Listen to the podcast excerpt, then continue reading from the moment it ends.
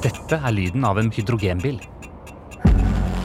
Det fantastiske med hydrogen er jo at det er luft og vatten og el. Du, du spjelker jo vannmolekyler, tar ut energien av det og når du, når du återfører dem her, så blir det jo vatten igjen. Så det er jo et, et ufarlig bränsle på så sätt. Det finns ju en tro på hydrogensamhället och skulle vi knäcka det här ja då skulle vi ju få alle muligheter til å lagre energi på et helt nytt sett. Hvis hydrogen er så fantastisk, hvorfor er det så få som bruker gassen som drivstoff i dag? Ja, det, det lurer jeg jo litt på, egentlig. Franske forskere mener nå at de har løst alle problemer med hydrogen. De har fått en genial idé. Och skulle det fungere, ja da har vi en helt annen bild på det. Du hører på En pølse i brød og hydrogen, takk. Fra podkasten Urban Insight, laget i samarbeid med Sveko. Og alt starter i rundkjøringen på Solli plass i Oslo. Hva sa du? Venter du på en hydrogenbil? Ja, det er deg! Ja! Du skjønner, jeg får ikke slått på telefonen jeg Må bare hoppe inn. Hei. Hei. Birgit. Birgit Liodden har brunt, langt hår, litt lenger enn til skuldrene. Hei, jeg heter Birgit. Jeg kjører rundt i en Toyota Mirai og er Norges første private hydrogenbilsjåfør. Gratulerer. Takk. Den er blå. Den er blå. Veldig fin. Hun kommer fra diverse topplederjobber fra den maritime bransjen. Men eh, jeg jobber også med eh, energisektoren eh, som en del av Oslo som europeisk miljøhovedstad og næringslivsprogrammet der nå i 2019. Eh, og ser at det ligger masse spennende muligheter for både Norge og Oslo når det gjelder overgangen til hydrogen som energidriver. Ja, fordi, hvor er vi på vei nå?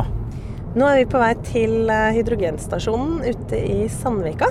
Birgit svinger inn på E18 ut av Oslo. Og nå hører du lyden av en hydrogenbil som akselererer fra 30 km til 94 km i timen. Hvor langt, hvor mye kan den gå? Det har jeg ikke testa. Jeg tror jeg må kanskje ta den til autobahn i Tyskland for å teste det uten å miste lappen. Birgit er strålende fornøyd med sin hydrogenbil. Hva er det med hydrogen som er så fantastisk? Hei! Välkommen! In. Har du vært her förut? Nei. For å få svar på det, så drar jeg til Svekos hovedkontor i Stockholm. Uh, kliver inn i vardagsrummet.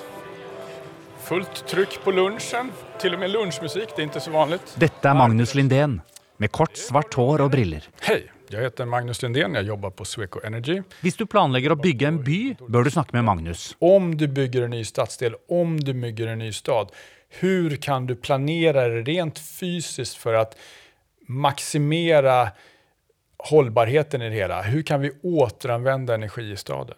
Og så jobber han med den store drømmen om et hydrogensamfunn. Hva er det som er så fantastisk med hydrogen? När du använder hydrogen så kan du ju använda det för att både göra el och for å göra värme. Så på så sätt så kan du ju lagra vindenergi och skapa el när vinden inte blåser. Skapa värme när vinden inte blåser. Det är ju det som är det fina med det här. Plus att det då inte blir några miljöförstörande utsläpp av processen. Eftersom det egentlig bare er vatten som er som är grundämnet i det hele. La oss si at du har solceller på taket ditt. På en skyfri sommerdag med sol får du da strøm nok til både tekokeren og Mac-en din. Men hva gjør du på de dagene solen ikke skinner? Det beste hadde vært å kunne lagre opp elektrisitet fra de solfylte dagene, slik at du også får sett på din favoritt-TV-serie når det er overskyet. El som har produseres med vind og sol, vågkraft med tiden, kan lagres.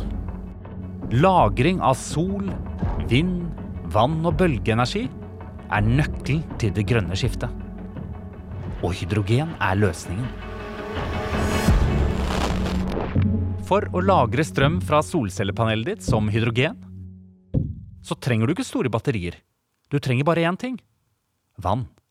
Og har du da el og vatten tilgjengelig, så kan du skapa hydrogen og sen så går den, at den i seg selv går å lagre. Og sen då når du anvender den energin da får du tilbake elen. Hydrogen skulle jag säga i framtiden för att finns det sol, finns det vind, finns det vatten, då kan du tillverka hydrogen. Och det finns ju på väldigt många ställen. I tillegg har hydrogen en annen stor fordel. For min del så valgte jeg jo hydrogenbil fordi jeg har eh, veldig tro på hydrogen som eh, drivstoff når det kommer til tungtransport og shipping, det maritime. Nå er du tilbake i den blå hydrogenbilen til Birgit Liodden på vei mot Hydrostasjonen. Hvorfor det?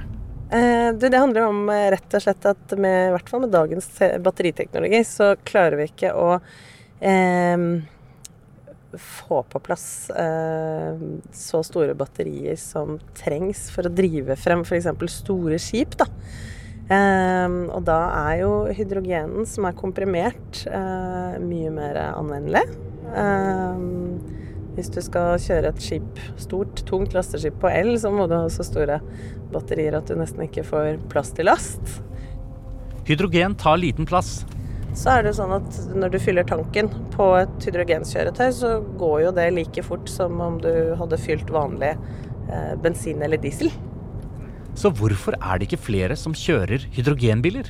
Hva er problemet? Ja, det, det lurer jeg jo litt på, egentlig. Eh, jeg syns det kunne gått eh, litt fortere. Over til Magnus Lindén fra Sweco. Anledningen til at vi ikke anvender hydrogen mer idag är att för att eh, tekniken är, för det första är den relativt dyr och sen är dilemmat att lagringen idag kräver eh, högt tryck och, och eh, nedkyld, nedkylda tankar. Og her har vi altså kommet frem til hydrogennøtten. Prosessen med å omgjøre fornybar energi til hydrogen koster for mye. Det lønner seg ikke i dag. Og i tillegg kan hydrogen eksplodere når som helst. Gas under høyt trykk kan alltid være en eksplosjonsrisk. Altså, går saker og ting sønder, så, så blir det ubehagelig. Og det her gjør at det er svårt for hver var en en anvende teknologien i dag. Det kreves rett mye tekniske installationer og sånt. Det, det går jo å håndtere. Det fins hydrogenbiler i dag, det fins bussar, så det, det funker. Men för att få det här riktigt storskaligt så, så, ehm, så finns det tekniske utmaningar kvar.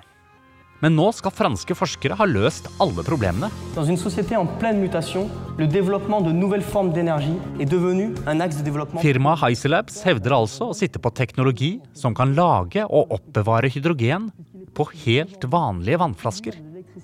Uten trykk. Altså, du kan forvare det uten tryck, utan kyla eller noe sånt. Og skulle det fungere, ja da har vi jo en helt annen bild på det. Og der er vi fremme på hydrogenstasjonen, for det er jo ikke bensinstasjon lenger. Hydrogenstasjonen. Yes, stemmer. Nå er du tilbake i hydrogenbilen til Birgit. Eh, Og det er jo for- foreløpig er det jo en pumpe her. En gul pumpe for anledningen. eh, Og så står det jo bare hydrogen istedenfor bensin. Ja, det stemmer. Og hva gjør du nå? Du, nå stopper jeg bilen og åpner eh, tanklokket. Og så er det en utrolig digg ting da med disse hydrogenbilene. Det er jo at det er aldri kø på pumpa. så bare Og det ser ut, nesten ut som en slags avsagd hagle. det gjør det. Og det er jo ikke sant, det er utrolig viktig at det er veldig veldig tett når du fyller gass. Så den er jo litt annerledes enn de vanlige enn de vanlige bensinpumpene. Og så klemmer man opp et lite håndtak. Da på en måte låser man den så lenge den står og skal fylle. Så trykker Nå hørte jeg et sånt klikk her, ja. Klikk, sier jeg, da. Og så trykker jeg på en grønn knapp her, og da begynner den å fylle. Og da lager den litt andre lyder da enn en bensinpumpe, for da kommer det litt sånn psjt-lyder. Og så ser vi på displayet her nå at du har fylt syv kilo. 0,07 kilo nå. Så det er også litt morsomt at jeg fyller jo ikke i liter, men jeg fyller eh, kilo. Og der begynner den å gå. Det eneste du kan se, det gir mye lyd, men det eneste du kan se er bak her nå når vi har stoppa. Så er det en liten sånn Ja, ja. ser vanndam bak her. Ikke sant? Til vanlig ville jeg tenkt oi, er det en oljelekkasje Ja, her? og så er det bare akkurat som det skal være. Og de sier jo, jeg har ikke prøvd det ennå, må jeg si, men de sier at det vannet som kommer ut eh, av den bilen her, det er rent nok til at du kan eh, drikke det. Vil du prøve nå? Nei, jeg vet ikke, jeg. Skal jeg smake, da? Så nei, det er, eh, det er moro. Så ungene mine, eh, jeg har jo to små barn, og de syns det er veldig veldig stas at eh, bilen vår den tisser rent vann. Så hvor langt unna er drømmen om et hydrogensamfunn? Det tar et tag til innan det her riktig slipper, skulle jeg gissa. Eh, Men i mine øyne så er jo vätgassamhället det är ju, det är ju utopin på något sätt när det gjelder energi. Eh, men nå skjer det ting. Eh, Nikola i USA produserer eh, hydrogenlastebiler.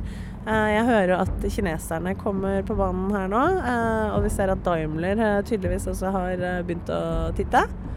Sånn at jeg tenker jo at det er bare spørsmål om tid. Denne serien er produsert av Radiorådgiverne AS på oppdrag fra Sveko. Reporter Christian Lyder Marstrander.